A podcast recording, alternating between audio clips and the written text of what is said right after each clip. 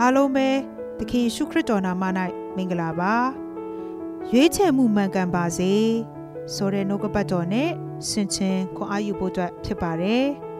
တရားဟောရာကျမ်းအခန်းကြီး30အပိုက်ငယ်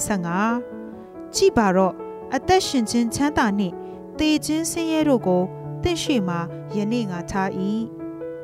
ဖျားသခင်ကလွတ်လပ်စွာရွေးချယ်ဖို့ရန်ကျမတို့ရဲ့ရှေ့မှာအသက်ရှင်ခြင်းနှင့်တေခြင်းကို ချထားပေးပါတယ်။ဖခင်သခင်ကကျမတို့ကိုဒုက္ခရောက်စေခြင်းတဲ့အတွက်ရွေးချယ်ခိုင်းခြင်းမဟုတ်ပါဘူး။သူ့ကိုအားကိုးခြင်းဖြင့်ရွေးချယ်မှုမှန်ကန်စေခြင်းနဲ့ရွေးချယ်မှုမှန်ကန်ရင်ကောင်းစားမှာဖြစ်ပါတယ်။ဖခင်သခင်ကိုအားမကိုးပဲမိမိအလိုဆန္ဒအတိုင်းဦးစားပေးပြီးရွေးချယ်မှုမားတဲ့သူရဲ့အသက်တာဟာသေခြင်းဆင်းရဲကြုံရမှာဖြစ်တယ်။အရာရာ၌ဝမ်းနည်းပူဆွေးခြင်း ကြေကွဲခြင်းများကိုခံစားရမှာဖြစ်တယ်။ဒါကြောင့်ကျမတို့ရဲ့အသက်တာထဲမှာ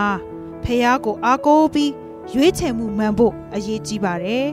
။လက်တွေ့အသက်တာထဲမှာဆုံးဖြတ်ချက်ချရအောင်။ရွေးချယ်မှုမှန်ကန်ရန်ကျမတို့မတတ်နိုင်ပါဘူး။ဖះကိုအားကိုးလျက်အသက်ရှင်ဖို့ဆုံးဖြတ်ရအောင်။ဆုတောင်းကြပါစို့။အဖဖះယုံကြည်သူများ၏အသက်တာရှောက်လန်းမှု၌ ရွေးချယ်မှုမမားဖို့မဆပါအသက်ရှင်ခြင်းချမ်းသာကို ရွေးချယ်တတ်စေပါ ကိုရော့ကိုအားကိုးတတ်စေပါ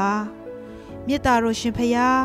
ကျမတို့ရဲ့အသက်တာထဲမှာရွေးချယ်မှုမှန်ကန်စေဖို့မတတ်နိုင်ပါဘူးကိုရောဤမှားဆခြင်းကို လိုအပ်ပါတယ်အသက်တာထဲမှာ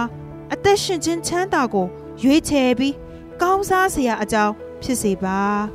သခင်ယေရှုနာမ၌ ဆုတောင်းပါ၏အာမင်